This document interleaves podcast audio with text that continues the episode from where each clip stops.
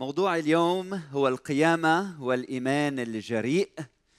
القيامة والإيمان الجريء وموضوعي مأخوذ من إنجيل يوحنا الفصل عشرين. ورح ندرس هذا الفصل كله مع بعض اليوم ورح نتعمق فيه. و... وأنتم ببيوتكم جيبوا كتابكم المقدس افتحوه خذوا ورقة وقلم. في ورقة بين إيديكم اليوم ولحتى نتعمق بهذا النص مع بعض لأنه في غنى وجواهر يلي ربما ما بحياتنا سمعنا فيهم أو اكتشفناهم بقراءتنا الفردية لكلمة الرب. إنجيل يوحنا إنجيل غني جدا. الطفل يجد طريقه على شاطئ محيط إنجيل يوحنا وأضخم السفن تبحر فيه وأكثر من هيك أكبر الغواصات لا تصل إلى عمقه. إنجيل يوحنا سفر يلي بيقريه الطفل إذا قريت طفل يستمتع به يتعلم منه وإذا قرأ الفيلسوف واللاهوت الكبير يجد نفسه طفل أمام هذا السفر المقدس. فافتحوا معي إنجيل يوحنا الفصل عشرين وأرجو الورقة تكون بين ايديكم وإذا ما عندك ورقة ارفع إيدك حدا من الفريق بيعطيك ورقة وبنعطيكم اقلام لحتى تتابعوا معنا لحتى هالمعلومات اللي عم ناخذها نعيشها وتبقى معنا ونشاركها مع الناس من حولنا. القيامة والإيمان الجريء. القيامة والإيمان الجريء. في أشخاص هون بدهم وراء كمان. يوحنا الفصل عشرين. والعدد الأول. وفي أول الأسبوع وأول الأسبوع إشارة إلى يوم الأحد. وبتعرفوا من تلك الحين فصاعدا خصصت الكنيسة يوم الأحد للعبادة الجماعية. ومن خلال هذا النهار منتذكر قيامة الرب يسوع المسيح من بين الأموات.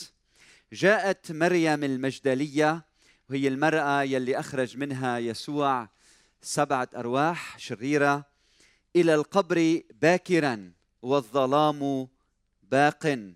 يعني تركت البيت والظلام باق ووصلت إلى القبر عند شق الفجر. مريم لم تكن لوحدها نعرف من الأناجيل الأخرى إنه كان في معها نسوة آه، جينا معها اتينها معها. إلى القبر. فنظرت الحجر مرفوعا عن القبر. والملفت للانتباه إنه كنا بنتوقع إنه أول من يشاهد قيامة الرب يسوع المسيح هو أحد التلاميذ. واحد بطرس مثلا أو يوحنا أو يعقوب. لكن إلهنا طريقته غير طريقة البشر. واختار مريم هذه الامرأة يلي بحسب الشريعة لا صوت لها وهي خاطئة وليس لها تاريخ مشرف. ولكنها أحبت السيد. ولأنه أحبت السيد أعلن ذاته لإلها فيلي بيعتبره العالم الصوت الذي ليس له صوت ما له أي قيمة. الله يختاره ليعلن مشيئته ويعلن عمله في هذا التاريخ. فيستخدم الله آه، كل واحد منا كشاهد أساسي لأعماله العظيمة. فأنت ايا كنت بحبك للسيد بحبك للرب تدخل التاريخ تصنع التاريخ. والله يكشف ذاته لك وتشهد لأعمال الله العظيمة. فهي حالك لأنه من اليوم فصاعدا أنت شاهد للقيامه شاهد لقيامة الرب يسوع المسيح. العدد الثاني فرقدت وجاءت إلى سمعان بطرس وإلى التلميذ الآخر الذي كان يسوع يحبه يلي هو يوحنا الحبيب. تلميذ الرب وقالت لهما أخذوا سيدي من القبر.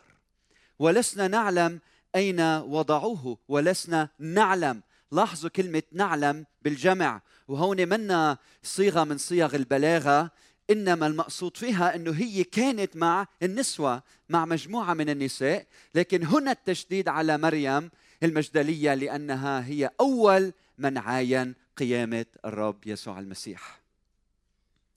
العدد الثالث فخرج بطرس والتلميذ الآخر أي يوحنا وأتيا إلى القبر وكان الاثنان يرقدان معا. وهون ما كانوا عم يتنافسوا مثل ما البعض بيقول لا كانوا يرقدان معا. وأكيد بطرس هو وعم يركض كان عم بيقول بنفسه إذا أنا انكرته وهو وحي بدي أكرمه هو وميت مين بيسرق جسد يسوع؟ وأكيد هو راكد ما كان أخذ معه سيف مثل هيديك المرة لما راح لما كان يسوع بعده حي لأنه كان بيعرف وصار يعرف إنه إلهنا ما بهمه السيوف ولا يريد السيوف. وكان عم يركض بطرس من كل قلبه حتى يوصل حتى يشوف مين سرق جسد يسوع. شو صار؟ شو صار؟ وكان الاثنان يرقدان معا فسبق التلميذ الآخر أي يوحنا بطرس وجاء اولا إلى القبر. يوحنا أصغر من بطرس في العمر. يعني أسرع بيجري أسرع. أو لأنه كان يوحنا يعرف الطرقات الفرعية المختصرة فوصل قبل منه. أو أسرع منه بدافع الحب المتأجج في قلبه. وكم من مرة الحب اللي فينا بسرع قدمينا مش هيك؟ وبنركض أسرع من غيرنا بدافع الحب الموجود في قلوبنا. فمش ضروري نرمز هذا النص أكثر من ذلك. فماذا عنك؟ هل يقفز قلبك عندما تسمع صوت يسوع؟ وعندما تسمع عن يسوع؟ عندما تسمع اسم يسوع؟ هل قلبك يخفق في مكانه وانحنى. فنظر الأكفان العدد الخامس موضوعه لكنه لم يدخل.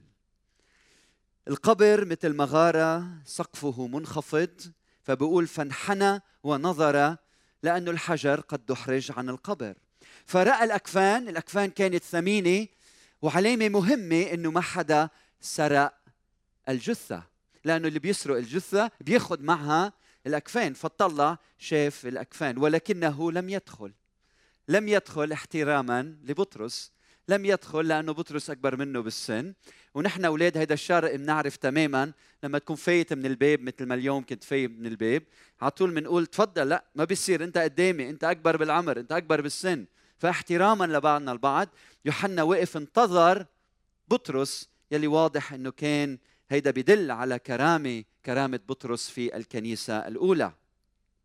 ثم جاء بالعدد السادس سمعان بطرس يتبعه ودخل القبر ونظر الأكفان موضوعه موضوعه مرتبة وهيدي إشارة مهمة إنه الجسد لم يسرق.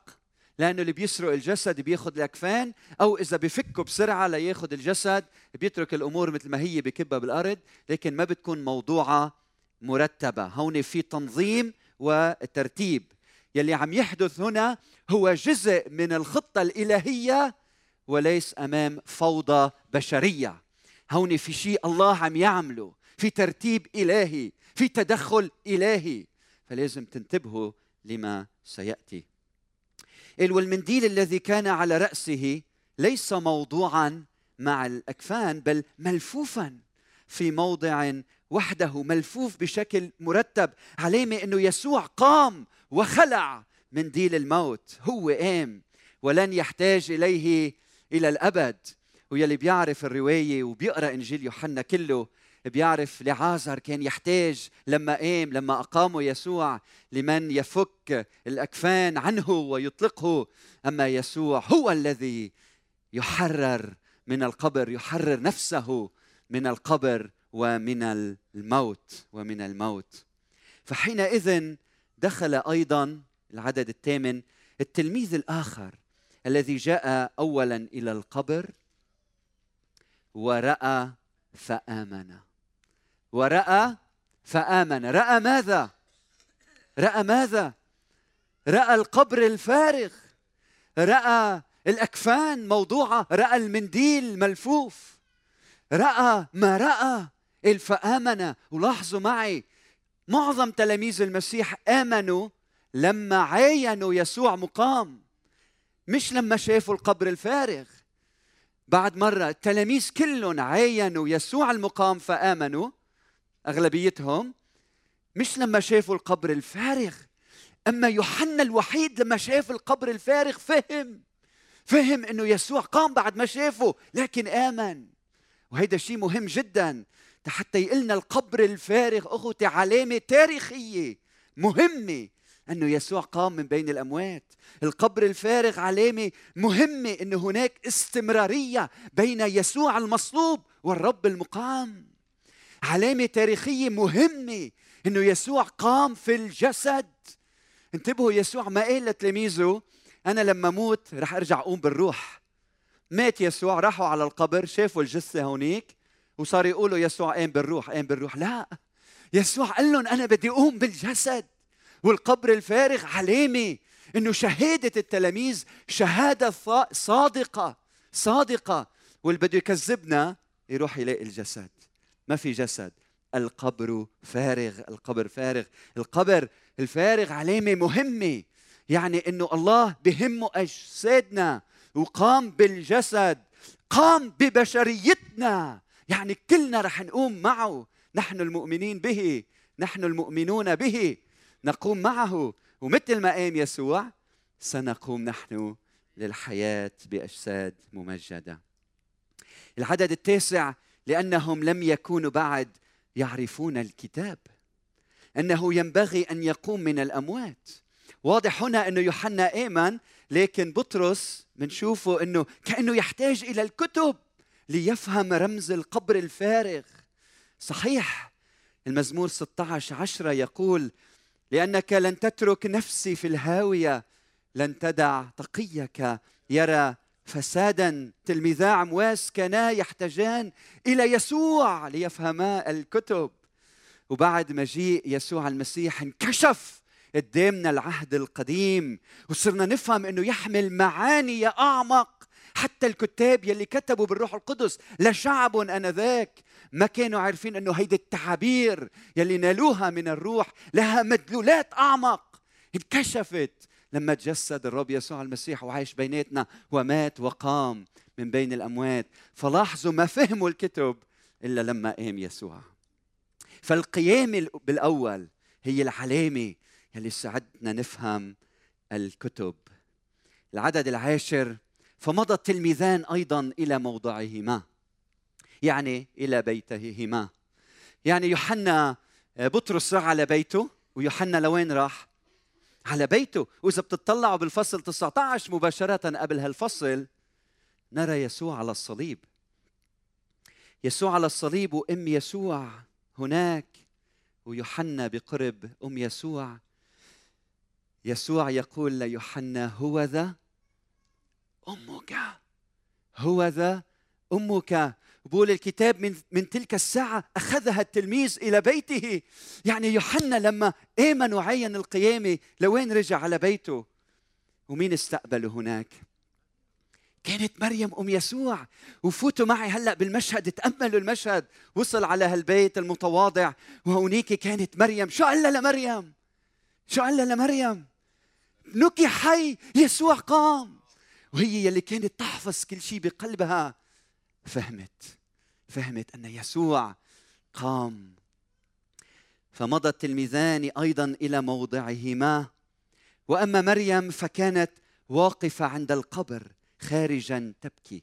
مريم رجعت مريم المجدلية رجعت إلى القبر وكانت واقفة خارجا تبكي.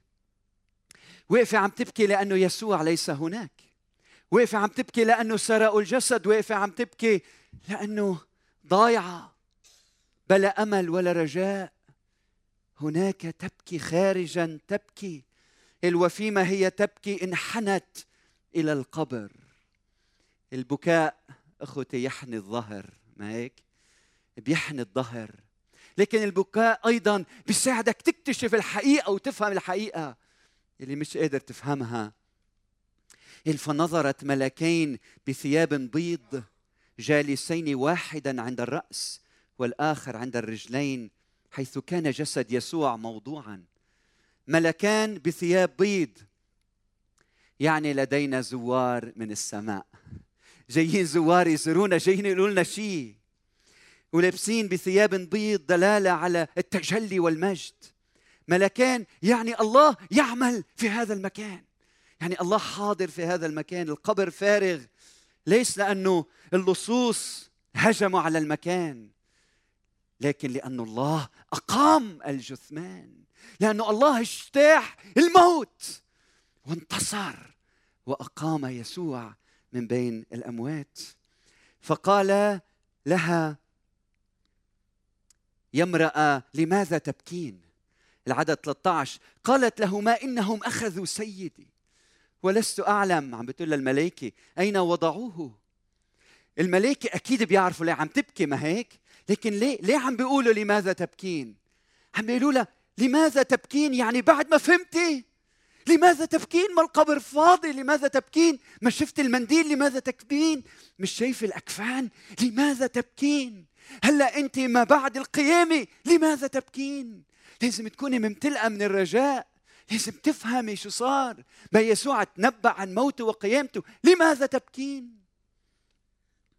ولما قالت هذا مبسوطين؟ ما أجمل كلمة الرب. قال فلما قالت هذا التفتت إلى الوراء فنظرت يسوع واقفا ولم تعلم أنه يسوع.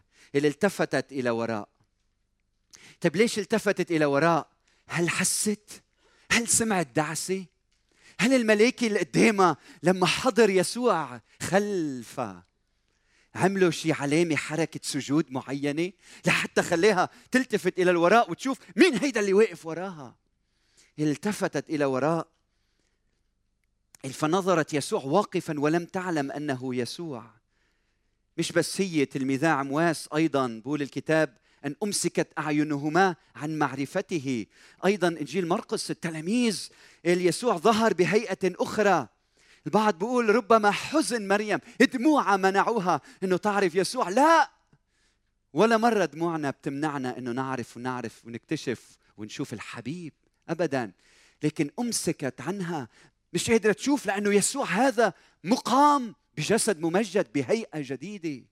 نعم نقدر نشوف علامات المسامير نقدر نجثه لكن هو يلي بيدخل والأبواب مغلقة هو يلي منشوفه يخرج من وسط الأكفان وتبقى كما هي ومثل ما قام يسوع بهالجسد الممجد نحن سنقوم أيضا معه العدد 15 بقول قال لها يسوع يا امرأة لماذا تبكين؟ من تطلبين؟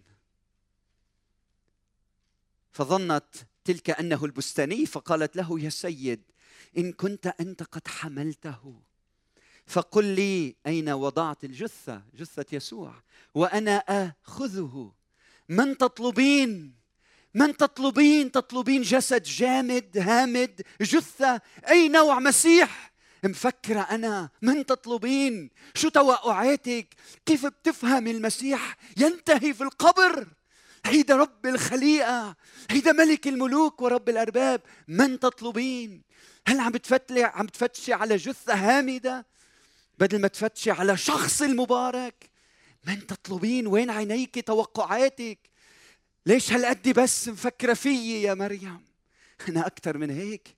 أنا رب الحياة أنا مؤلف الحياة. من تطلبين؟ قال لها يسوع يا مريم. قال لها يسوع يا مريم يا مريم يا مريم. فالتفتت تلك وهيدي الالتفاتة الثانية هيدي التفاتة القلب هيدي التفاتة الإيمان هيدي التفاتة التوبة هيدي الالتفاتة من الجهل هيدي الالتفاتة الرجوع هيدي التفاتة الفهم. كم من مرة بيكون عندنا نظر ولا نبصر وبيكون عندنا البصر وما عندنا البصيرة ننظر ولا نرى. فالتفتت التفاته حقيقية وقالت له ربوني. يعني يا معلم كان هالمصطلح غالبا ما كان يستخدم في الصلاة لله ربوني. عرفته. الخرافة تسمع صوتي وأنا أعرفها فتتبعني وأنا أعطيها حياة أبدية. ولن تهلك إلى الأبد ولا يخطفها أحد من يدي. عرفته. يا مريم. يا مريم اليوم يناديك يناديك بوسط أحزانك يناديك بوسط ألمك يناديك من خلال معاناتك يناديك. يناديك بالاسم بيعرفك بالاسم بحبك بالاسم. عنده مشيئة لحياتك عنده خطة لحياتك. إياك تفكر أنت هنا صدفة يناديك بالاسم. حتى لو أهلك ما كان بدهم إياك وجيت على هالدنيا بالغلط هو عنده قصد من حياتك. ويناديك يناديك بوسط ألمك يناديك بوسط التحديات اللي عم تمرق فيها. يناديك يعرفك بالاسم. يقول لك يا حكمة حط اسمك. يا مريم. ولما وين صرنا؟ فقال لها يسوع لا تلمسيني. وانتبهوا هنا النهي عن فعل تقوم به. يعني لا كفي عن لمسي يعني كفي عن التمسك بي. لأني لم أصعد بعد إلى أبي ولكن اذهبي إلى إخوتي وقولي لهم إني أصعد إلى أبي وأبيكم وإلهي وإلهكم. يعني لا تتمسكي بمنعها لأنه عندها رسالة هلأ روحي خبري. التلاميذ ما تتمسكي فيي ما تبقي هون.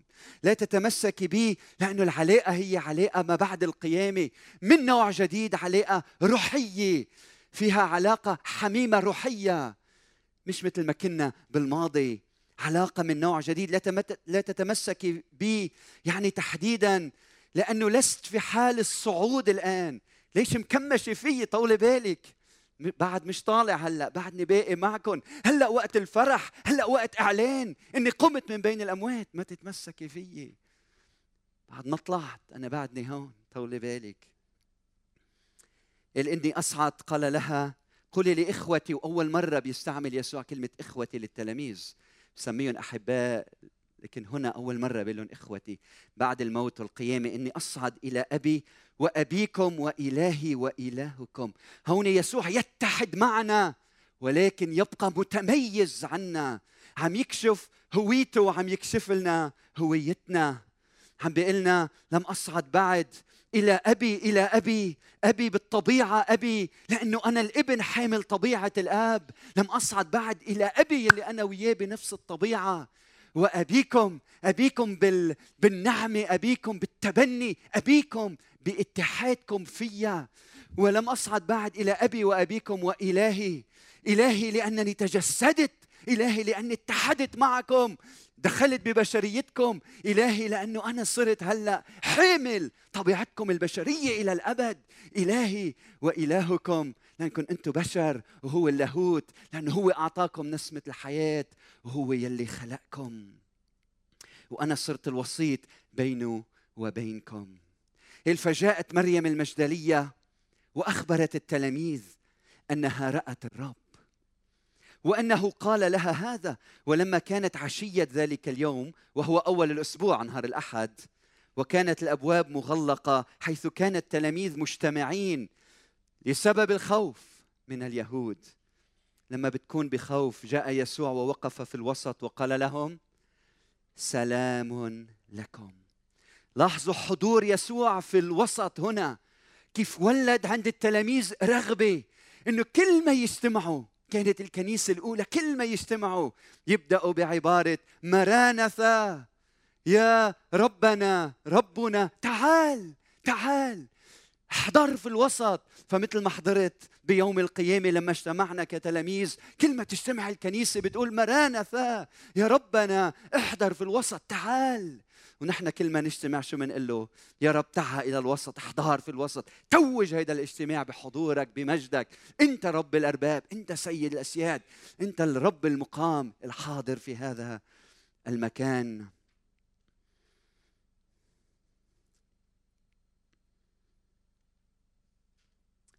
ولما قال هذا أراهم يديه وجنبه ففرح التلاميذ إذ رأوا الرب. فرح التلاميذ فرجاهم جنبه ويديه. كثير مهم تعرفوا إنه يسوع المصلوب هذا هو رب القيامة هو السيد الرب الذي قام بين الأموات. مش حدا تاني هو نفسه اللي حمل عنك خطاياك قام منتصرا.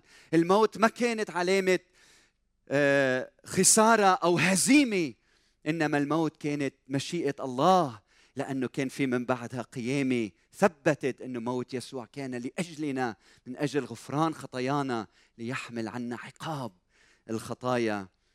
ففرح التلاميذ إذ رأوا الرب. ففرح التلاميذ إذ رأوا الرب. يعني كل ما نتلاقى بيسوع يتحول هذا اللقاء ينبوع فرح ينعش نفوسنا ويتدفق من خلالنا إلى الآخرين. ففرح التلاميذ إذ رأوا الرب. من هيك اجتماعاتنا دائما فيها فرح بترنيمنا بتسبيحنا. ليه هيدا الفرح؟ لأنه تلاقينا بيسوع. ما فيك تتلاقى بيسوع تبقى مثل ما انت. لما تتلاقى بيسوع بيملأك من السلام من الحب من الفرح من حضوره بحياتك. فقال لهم يسوع أيضا سلام لكم. كما أرسلني الآب أرسلكم أنا. يعني إرساليتنا تولد منه. كما أرسلني الآب أرسلكم أنا. يعني أنا ما عندي إرسالية نحن ما عندنا إرساليتنا الخاص نحن ما عندنا خطتنا الخاصة نحن ما عندنا مشروعنا الخاص. نحن بنشترك بإرساليته هو هو يلي يرسلنا إلى العالم هو اللي عنده خطة اللي عنده مشيئة اللي عنده هدف. لهذا الشرق وبقول بدي إياك وبدي إياك وبدي أستخدمكم لهذه الخطة. فنحن نستجيب لخطته نتبع خطته نفعل ما يريد هو لحياتنا. فهل بتعرف إرسالية الله؟ شو هي إرسالية الله؟ شو هي إرسالية يسوع المسيح في هذا العالم؟ إنه يكشف لنا الآب يكشف لنا من هو الله ويخلص الضال. وهيك نحن موجودين ككنيسة لحتى بهذا الشرق نعلن للملا عن الله الذي يحب الذي أعطى ذاته لأجل الناس ولحتى نخلص الضال. ونقول له أنت مش رايح على الجحيم أعطي حياتك ليسوع لك الحياة الأبدية. أعطي حياتك ليسوع. لك رجاء لك حياة أبدية. فقال لهم يسوع كما أرسلني الآب أرسلكم أنا. لكن ما فينا نعمل هالشيء لوحدنا صح؟ بنحتاج لشو؟ للروح القدس. وبالعدد 22 لما قال هذا نفخ وقال لهم اقبلوا الروح القدس. فكما نفخ الله في آدم نسمة حياة هكذا هنا يسوع ينفخ روحا مقدسا حياة إلهية جديدة لكنيسته لتلاميذه حياة إلهية جديدة. ولقد استحق لنا يسوع الروح بموته وقيامته. ما حدا منا بيستحق الروح لكن بموته وقيامته وهبنا الروح الروح المقدس. ونرى أخوتي تحقيق لهذا المشهد. انتبهوا معي تحقيق لهذا المشهد. أمتين لما حل الروح القدس على الكنيسة الأولى بأعمال الرسل الفصل اثنين اقبلوا الروح القدس. طيب من هو هذا الذي يعطي الروح القدس؟ سألت حالك شي مرة هيدا السؤال؟ يسوع عم بيقول أعطاهم الروح القدس. من هو هيدا صاحب السلطان المطلق؟ أن يهب الروح القدس. سفر الرؤيا بيقول لنا هيدا يلي له الأرواح السبعة يلي له الروح القدس. هذا الإله الذي يعطي الروح. من غفرتم خطاياه تغفر له والأصح غفرت له. يعني من غفرتم خطاياه غفرت له ومن أمسكتم خطاياه أمسكت. يعني يسوع هنا عم بيقلنا عم يحكي عن الإرسالية كما أرسلنا الآب ارسلكم أنا. يعني أنا بدي ابعثكم إلى العالم لتنادوا بالإنجيل. ولما تنادوا بالإنجيل وتنادوا بالخلاص والغفران الأشخاص اللي بيتوبوا بيجي لعند يسوع شو بتقول لهم؟ هنيئا لك. غفرت خطاياك. الله غفر خطاياك. الأسبوع الماضي اجى رجل كبير بالعمر. اجى لعندي وكان عم بيصلي وعم يبكي بدموع عم يقرع على صدره عم يعترف بخطاياه. عم بيقول يا رب أنا محتاج لإلك بدي توب بدي أعطي حياتي لإلك. ولما شفت توبته ودموعه وصدقه قلت له يسوع غفر خطاياك. قلت له مكتوب إن اعترفنا بخطايانا فهو أمين وعادل حتى يغفر خطايانا ويطهرنا من كل ذنب من كل خطية.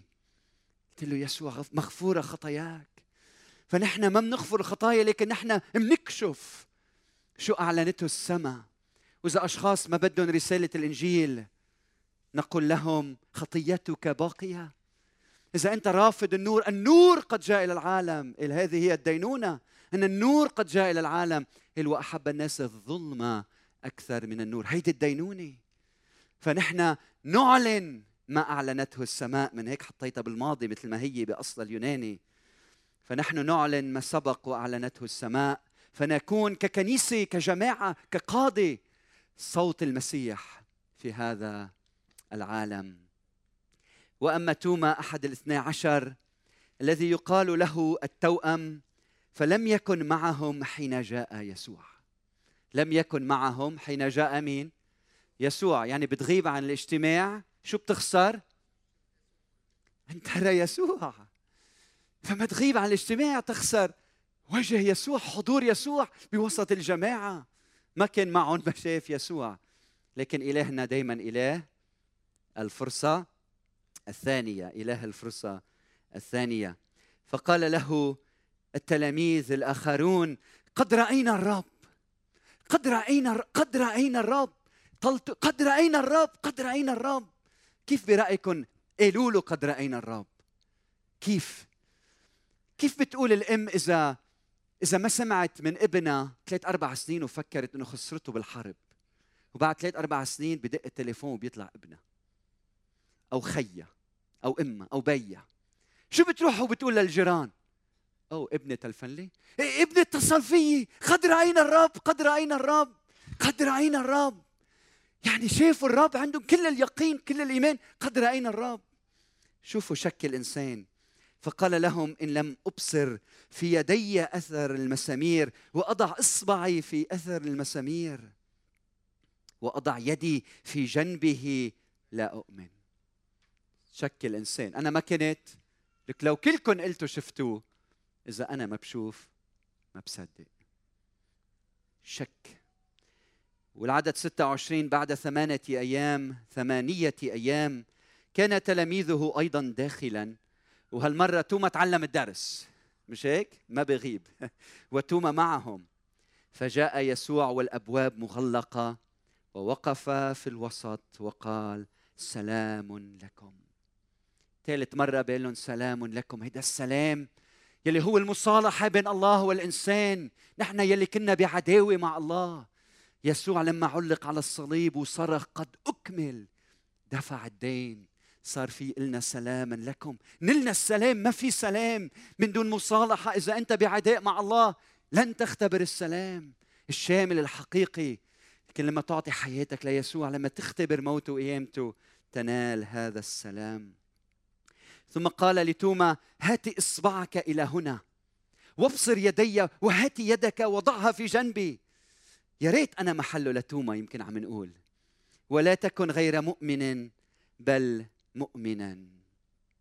شو رأيكم لما يسوع قال له هيك؟ هل اقترب إلى جسد يسوع ومسه؟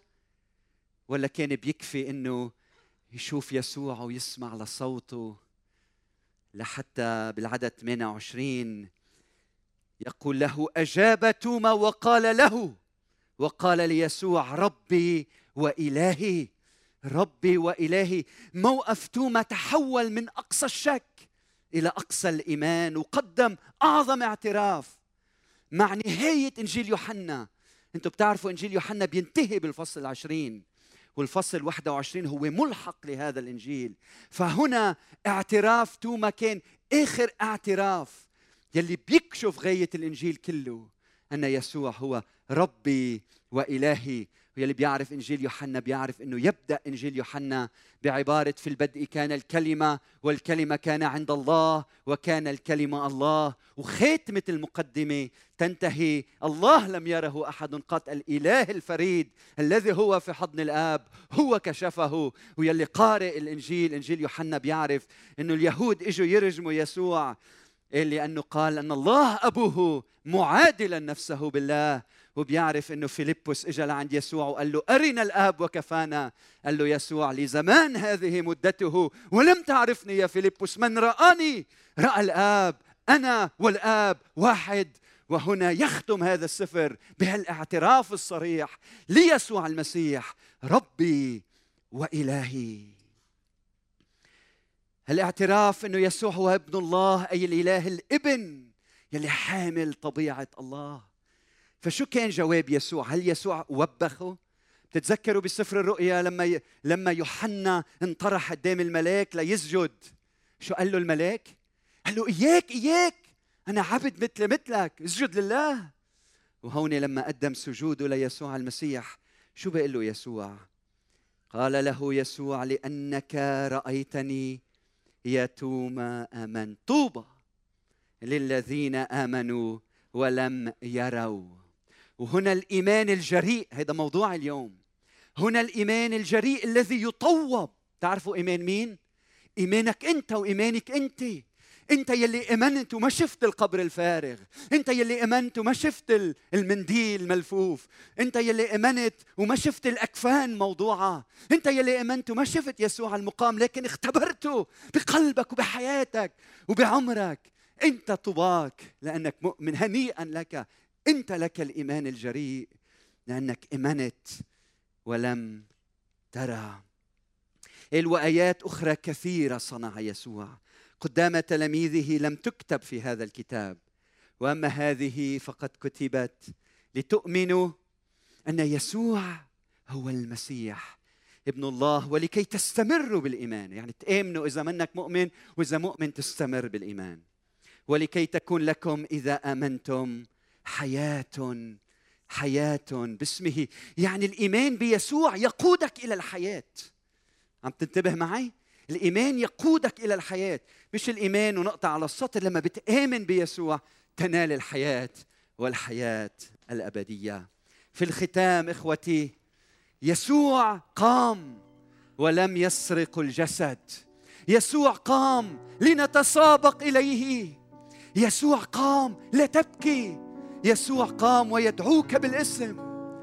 ويدعوك بالاسم يا مريم. يسوع قام التفت إليه. يسوع قام اقبل عطية الروح. يسوع قام ليس لدي وقت أهدره. لدي مهمة أنا وإخوتي مهمة تغيير العالم وأحضار ملكوت الله على هذه الأرض. يسوع قام طوبى هنيئا للذين يؤمنون ولم يروا. يسوع قام لنجتمع أول الأسبوع معا ونقول له مرانا تعال أيها الرب يسوع يسوع قام. قلبي يفيض يتدفق ينفجر بالفرح والسلام. يسوع قام لنعترف به ونقول له ربي وإلهي. يسوع قام وقهر الموت وأنا أبني كنيستي وأبواب الجحيم لن تقوى عليها. يسوع قام نجتمع هنا ونلتقي في الابديه يسوع قام. يسوع قام. يسوع قام. هللويا.